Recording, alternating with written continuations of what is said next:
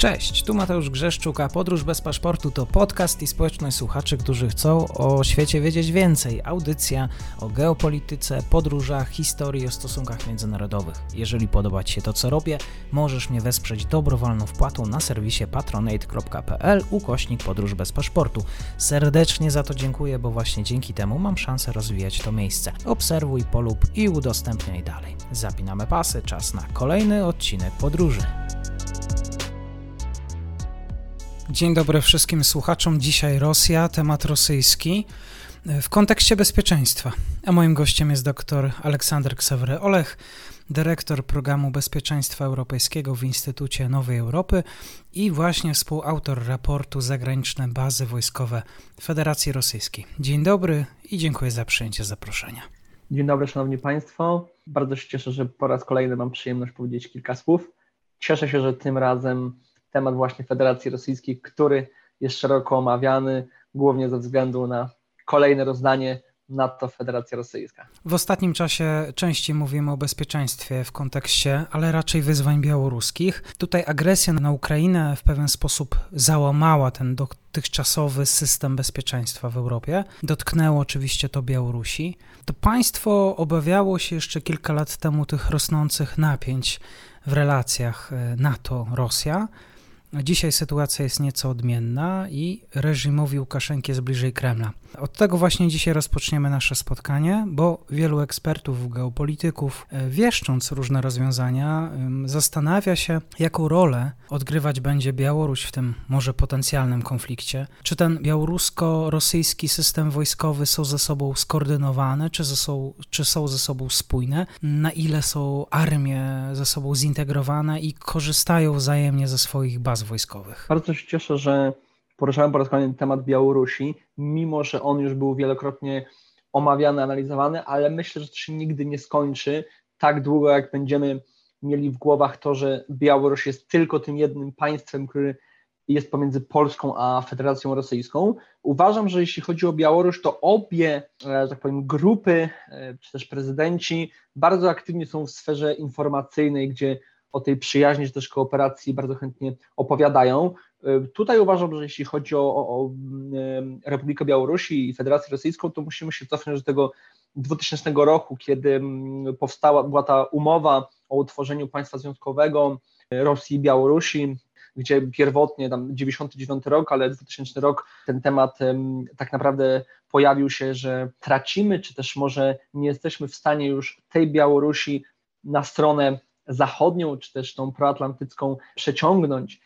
Uważam, że tych porozumień było e, dużo więcej kluczowych dla współpracy rosyjsko-białoruskiej, ale możemy też zakładać, że 94 rok, kiedy wybierano Łukaszenkę, to było to utracenie tej szansy na połączenie, jeśli patrzymy z perspektywy 2021 roku, ponieważ z każdym e, kolejnym rokiem ta nasza percepcja tych wydarzeń z przeszłości, przeszłości się zmienia. Więc ten słynny zbir czyli Rosja, Białoruś to państwo związkowe. Myślę, że będzie dochodziło do zacieśniania.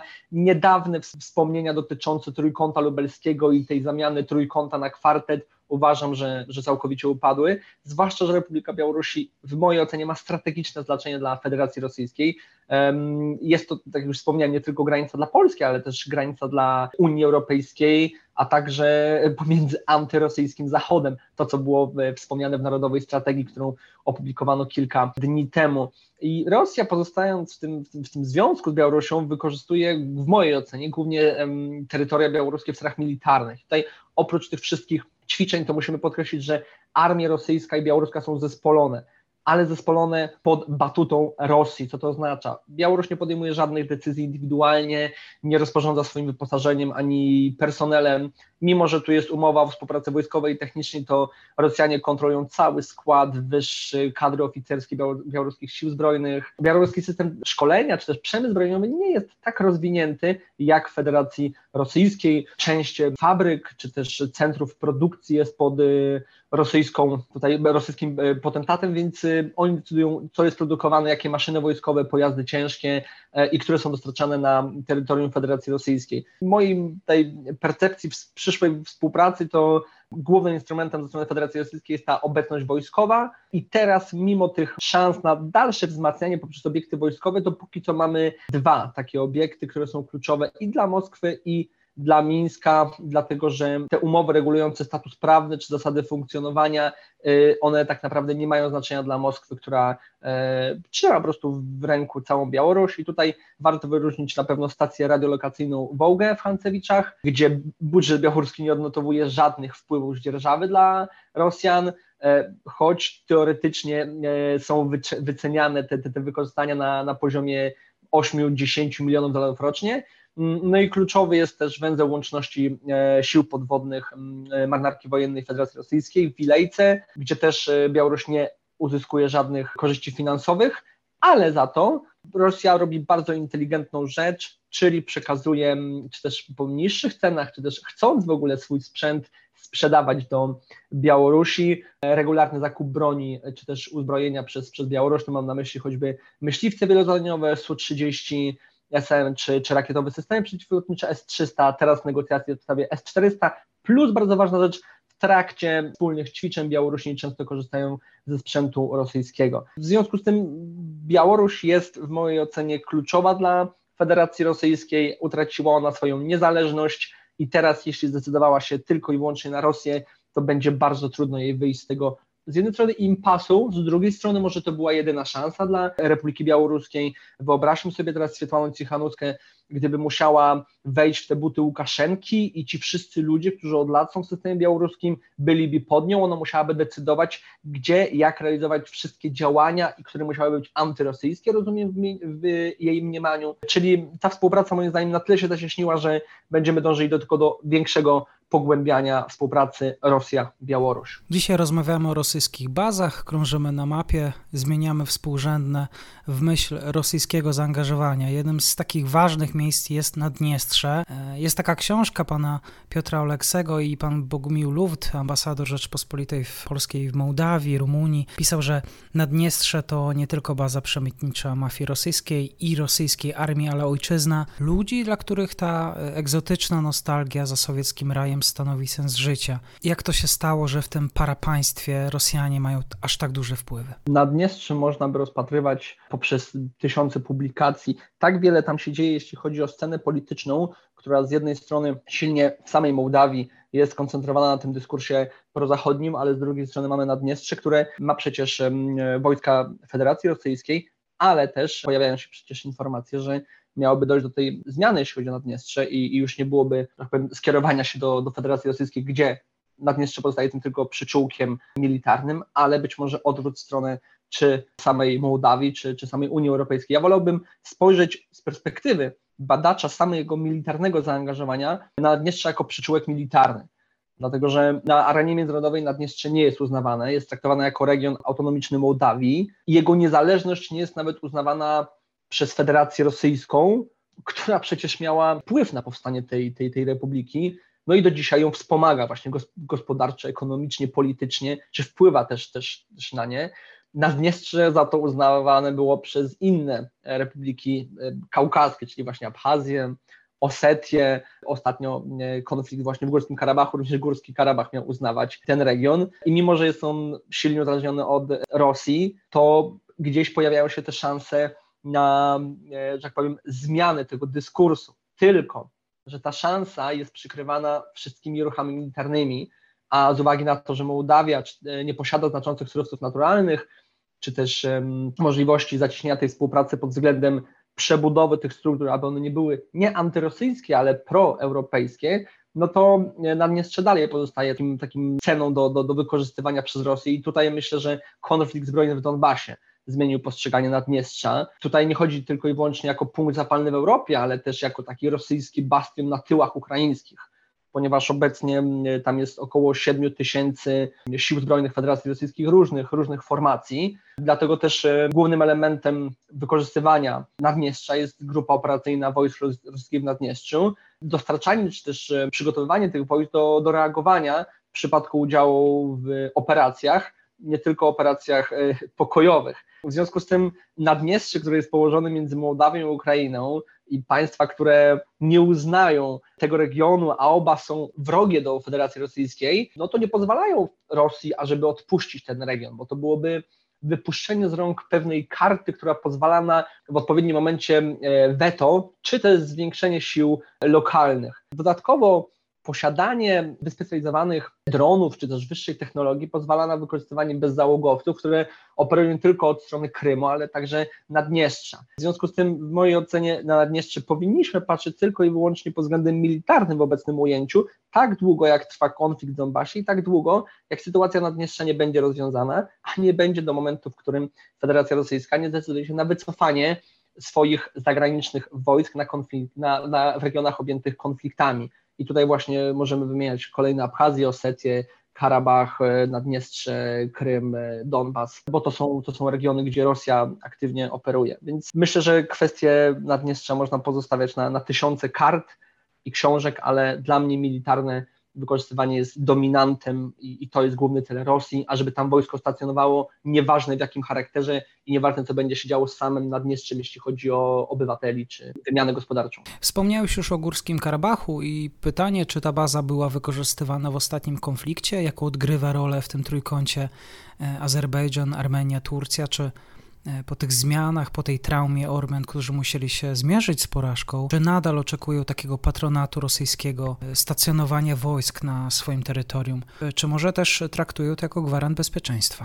Ja zawsze powtarzam, że nie da się badać Federacji Rosyjskiej z perspektywy jej bilateralnych relacji, tylko w dzisiejszych czasach każda osoba pochylająca się nad geopolityką bezpieczeństwa czy stosunków międzynarodowych w regionie musi też koncentrować się na innych relacjach. Tutaj warto wspomnieć, że wrogie stosunki utrzymuje także Armenia z Turcją. Tutaj między innymi powodem jest wsparcie Ankary dla Baku, ale też w znacznej mierze ta pamięć historyczna Armenii, jeśli chodzi o kwestię ludobójstwa Ormian podczas I wojny światowej, a, Rus a Rosja była bardzo aktywna podczas te tego ostatniego konfliktu, więc Armenia nieustannie podkreśla, że w obliczu zagrożenia ze strony Azerbejdżanu i Turcji Rosja jest gwarantem jej niepodległości. Padały te stwierdzenia, że jest nawet gwarantem egzystencji narodu armeńskiego.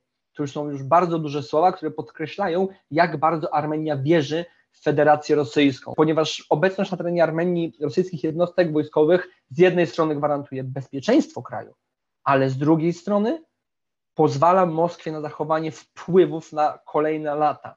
I tutaj, mimo że podkreślimy rolę Organizacji Układu o Bezpieczeństwie Zbiorowym, naszego słynnego OUBS, to podczas konfliktu Armenia-Azerbejdżan nie wykorzystano tego słynnego e, artykułu czwartego traktatu, gdzie jedno państwo uczestniczące czy będące celem agresji ze strony innego państwa, wtedy inne państwa, które należą do tej organizacji, udzielą wsparcia w celu skorzystania z prawa tej do, do, do obrony tak zwanej zbiorowej. Więc mimo tego, że doszło do takiego konfliktu, to Federacja Rosyjska, czy też eksperci wskazali, że nie był to teren stricte Armenii, tylko teren sporny, gdzie ten konflikt od lat trwał. Co ważne, jednocześnie Kazachstan i Kirgistan, które są w OUBS, wsparły oświadczeniami Azerbejdżan poprzez oświadczenia w ramach Rady Turkijskiej, więc tutaj ta relacja jest taka multilateralna, ale nie oznacza to, że Rosjanie nie wykorzystali dla siebie konfliktu. To oznacza, Armenia przegrała tę bitwę, nie chcę mówić, że wojnę. Federacja Rosyjska nie tylko utrzymuje swoją 102 bazę wojskową w Armenii, ale jednocześnie na zaproszenie zwiększa swoje zaangażowanie, ponieważ porozumienie podpisane pomiędzy Władimirem Putinem, prezydentem Azerbejdżanu Alijewem i premierem Armenii Paszynianem pozwala na to, żeby Rosja była takim gwarantem bezpieczeństwa dla tego regionu. I w tej ocenie to Armenia potrzebuje Rosji, a nie na odwrót, ponieważ tereny sporne i ofensywa Azerbejdżanu i, i bezpośrednio i pośrednio Turcji nie odbyła się w głąb kraju. Więc Ministerstwo Obrony Armenii, Siły Zbrojne Armenii z radością podkreślają, że kolejna rosyjska baza byłaby takim zwiększeniem szans na, na bezpieczeństwo. Jeśli chodzi o samą, sam konflikt, pytałeś mnie o udział tych wojsk w trakcie konfliktu Armenia-Azerbejdżan.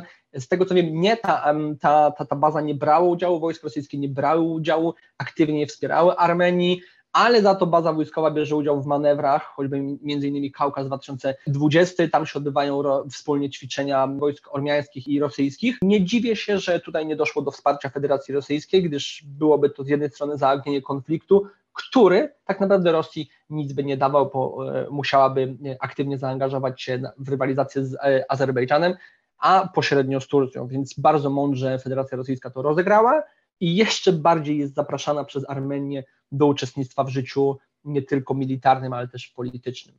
Myślę, że na to, co działo się w Karabachu, nerwowo patrzyli sami Gruzini, stąd oczywiście muszę zapytać o stacjonowanie Rosjan w Abchazji. Gruzja od dawna dąży do umiędzynarodowienia tego konfliktu e, i chce, żeby Rosja była postrzegana jako agresor tematy, które poruszamy, są naprawdę o tyle ciekawe, że samo zaangażowanie Federacji Rosyjskiej w tych konkretnych republikach czy też y, autonomiach jest uznawane, czy też jest traktowane jako taka cicha strategia Federacji Rosyjskiej, ażeby mieć te przyczółki bezpieczeństwa, więc y, wiele z tych informacji, konkretnego zaangażowania Federacji Rosyjskiej nie jest udostępnianych, więc w tej perspektywie bardzo często otrzymuje, otrzymujemy informacje bezpośrednio od Gruzji, ponieważ Federacji Rosyjskiej zależy na tym, ażeby jak najdłużej utrzymać tę strategię, że to nie ona faktycznie angażuje się militarnie, tylko są to działania podejmowane właśnie choćby przez Abchazję, która już w 2008 roku uzyskała niepodległość od e, Gruzji, ale też, też od Rosji. Faktycznie tej Abchazji niewiele państw, niewiele państw czy też e, republik ją akceptuje, czy też uznaje. To jest Nikaragua, Wenezuela, więc Syria, więc to są, to są gracze mniejsi, którzy mają własne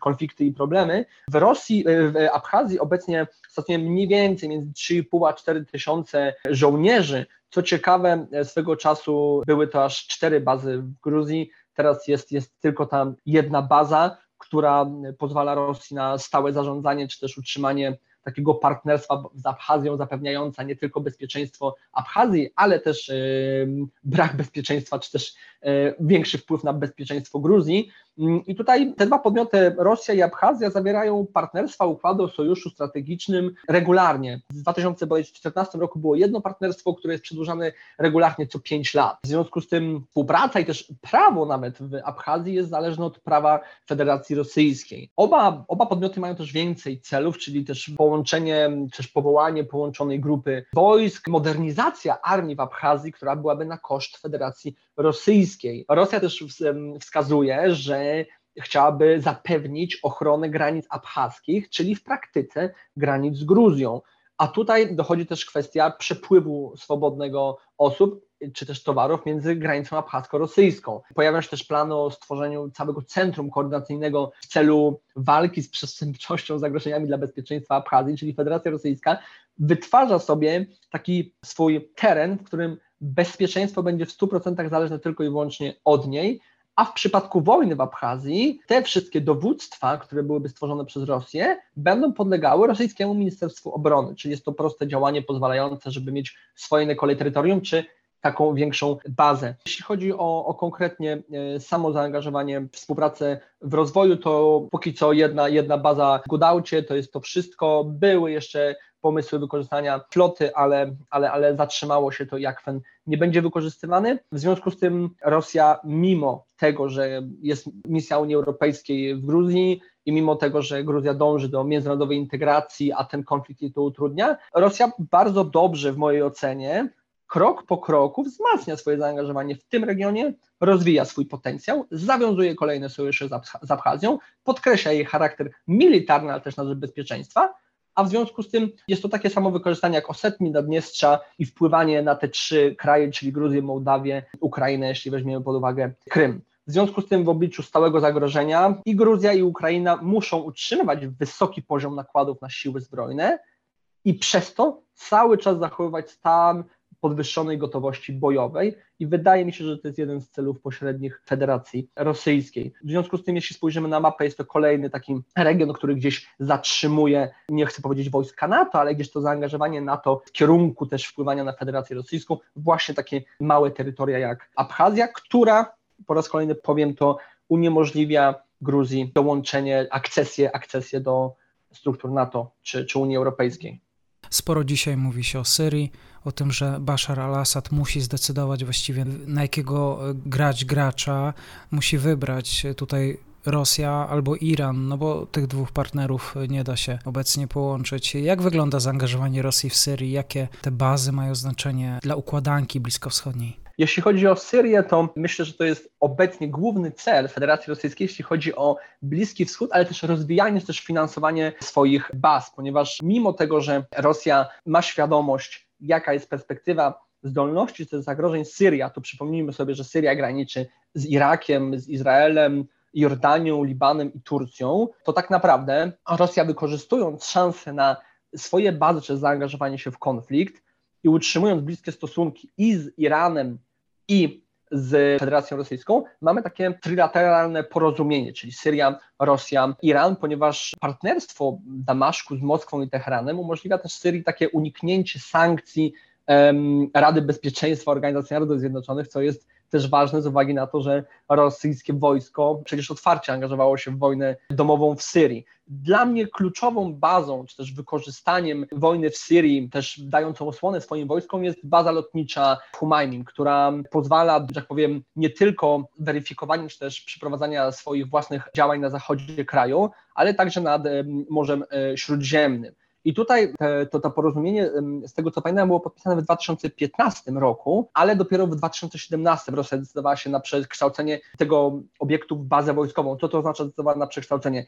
Wtedy też wówczas postanowiła, że przeniesie swoje, swój ciężki sprzęt tam i zacznie inwestować w rozwój tej bazy. I tutaj właśnie mam na myśli ciężki sprzęt, czyli S-400, czyli zabezpieczenie przed obcymi nalotami, czy właśnie myśliwce wielozadaniowe Su-35 czy Su-33. Jeśli chodzi o sam pomysł na współpracę, to Rosja ma jeszcze oczywiście zabezpieczenie, zabezpieczenie materiałowo-techniczne, jako przy wykorzystywaniu marynarki wojennej, ale dla mnie w obecnym ujęciu jest ważne to, że prezydent Syrii, Bashar al-Assad wielokrotnie w swoich wypowiedziach wyrażał ogromne za zadowolenie, ale też zaangażowania Federacji Rosyjskiej. Te państwa zawierały umowy i porozumienia, jeśli chodzi o współpracę, też wykorzystywanie portów Tartus, czy też y, możliwość pływania i powrotu rosyjskich okrętów wojennych. Tutaj mam na myśli morze terytorialne, porty syryjskie, czyli ta Syria jak gdyby została e, może nie e, oddana przez Amerykanów, ale sama weszła w objęcia Federacji Rosyjskiej, a w związku z tym e, już teraz rosyjskie wojska współpracują z oddziałami syryjskimi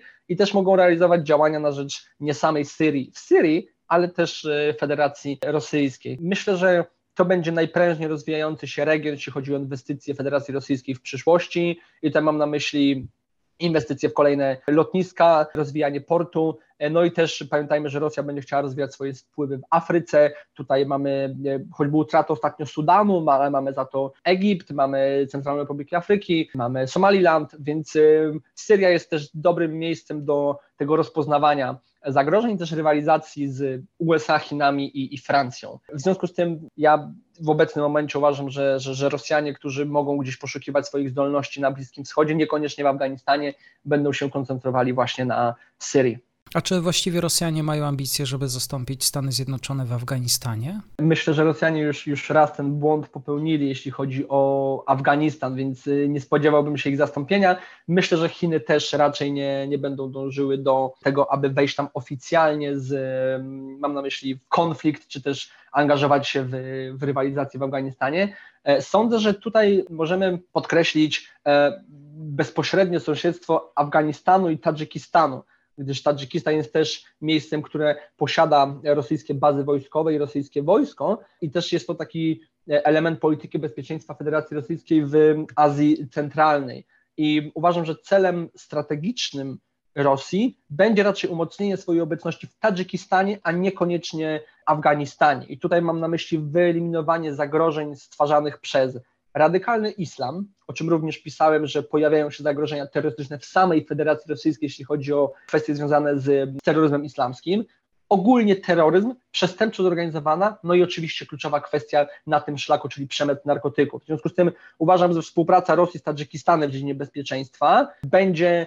bardziej kluczowa niż samo wejście do, do Afganistanu. Zwłaszcza, że Tadżykistan miał swoje historie ze Stanami Zjednoczonymi, gdzieś ta współpraca była zacieśniana, kiedy Stany Zjednoczone operowały aktywnie w Afganistanie. W związku z tym Federacja Rosyjska musi być świadoma tego, że Tadżykistan powinien pozostać ich, jeśli chcą regularnie utrzymywać swoje wpływy także w, w, w Afganistanie. Zwłaszcza, że prezydent Emomali Rohmun e, rozpoczynał negocjacje z Rosjanami, jeśli chodzi o ich status, ale też, pieniądze, też uzyskiwanie pieniędzy za utrzymywanie tych wojsk. Co to oznacza?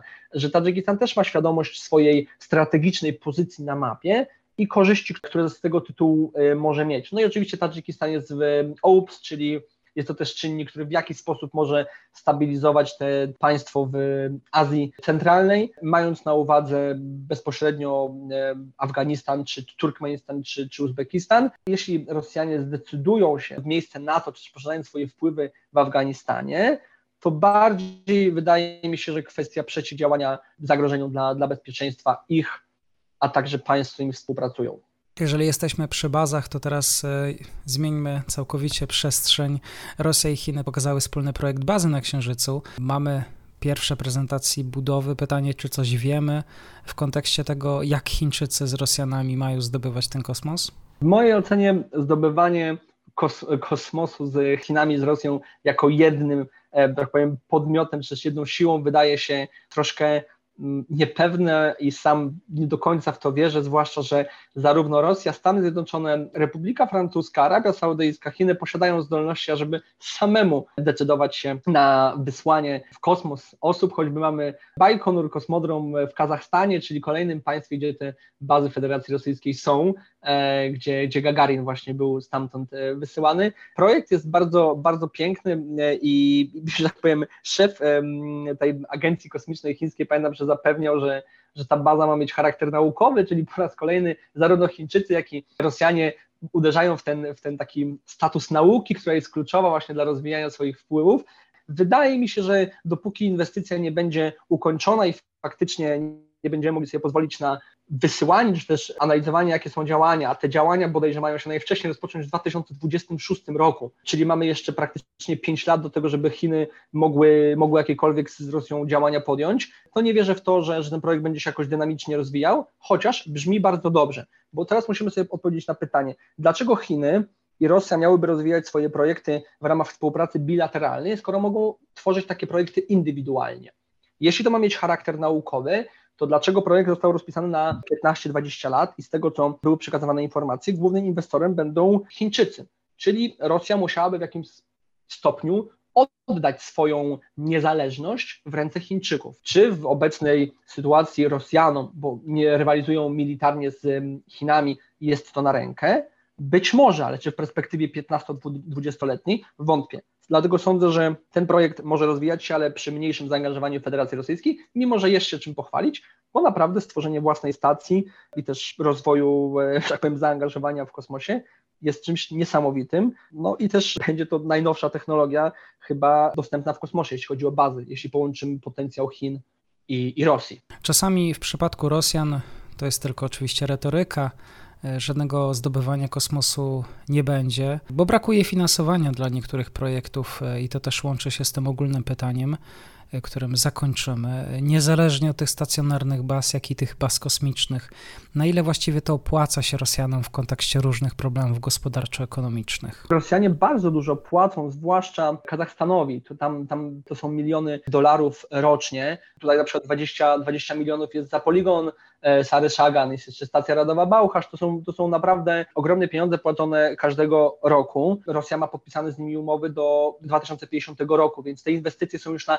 kilkadziesiąt lat do przodu. Nie mamy informacji, ciężko jeszcze uzyskać to, co powiedziałem na początku wywiadu, że nie wszystkie informacje są udostępniane. Bardzo wiele e, danych dotyczących tych konkretnych baz jest z bardzo wielu źródeł. Często jest to netografia, czyli ta bibliografia opierana tylko i wyłącznie na internecie, to co zostanie udostępnione, przekazane ale też oficjalnie wiemy, gdzie te bazy już są, gdyż kiedyś Rosjanie bardzo sprytnie te bazy ukrywali, nikt nie wiedział, gdzie one są. Ale odpowiadając na pytanie, jeśli chodzi o samo zaangażowanie w, w bazy czy finansowanie, uważam, że idea rozwijania tych rosyjskich obiektów poza granicami państwa jest bardzo słuszna właśnie z tej długookresowej perspektywy. Mimo, że nie koncentrowaliśmy się w tym wywiadzie na całym świecie, to ja specjalizując się też w Republice Francuskiej, gdyż łączę te dwa te dwie potęgi, Francja, Federacja Rosyjska, e, widzę, że Afryka nie jest z gumy, Arktyka też nie.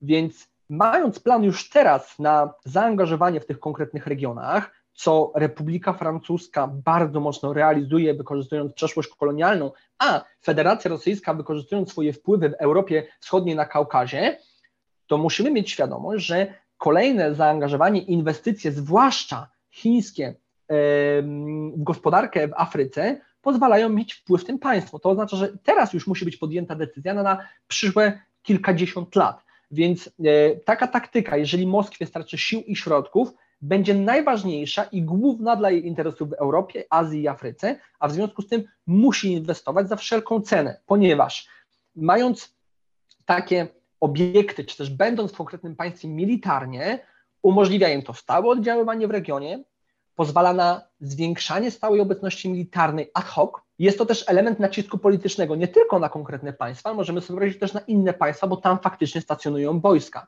Jest to też element oczywiście odstraszania, no i ostatecznie, czyli wzmacniania tej współpracy polityczno-militarnej z konkretnym podmiotem lub podmiotami, które są sąsiadujące. W związku z tym jest to też taki symbol narodowego prestiżu, co dla Federacji Rosyjskiej, która chce i tworzy siebie hegemona, głównie w przestrzeni obecnej informacyjnej, jest y, kluczowe. Więc Stany są obecnie obecne, współcześnie są obecne militarnie w sposób globalny. Chiny mają za to potencjał ogromny, ale handlują z całym światem. Francja korzysta ze swoich zdolności w oparciu o wpływy historyczne i obecność w NATO i Unii Europejskiej.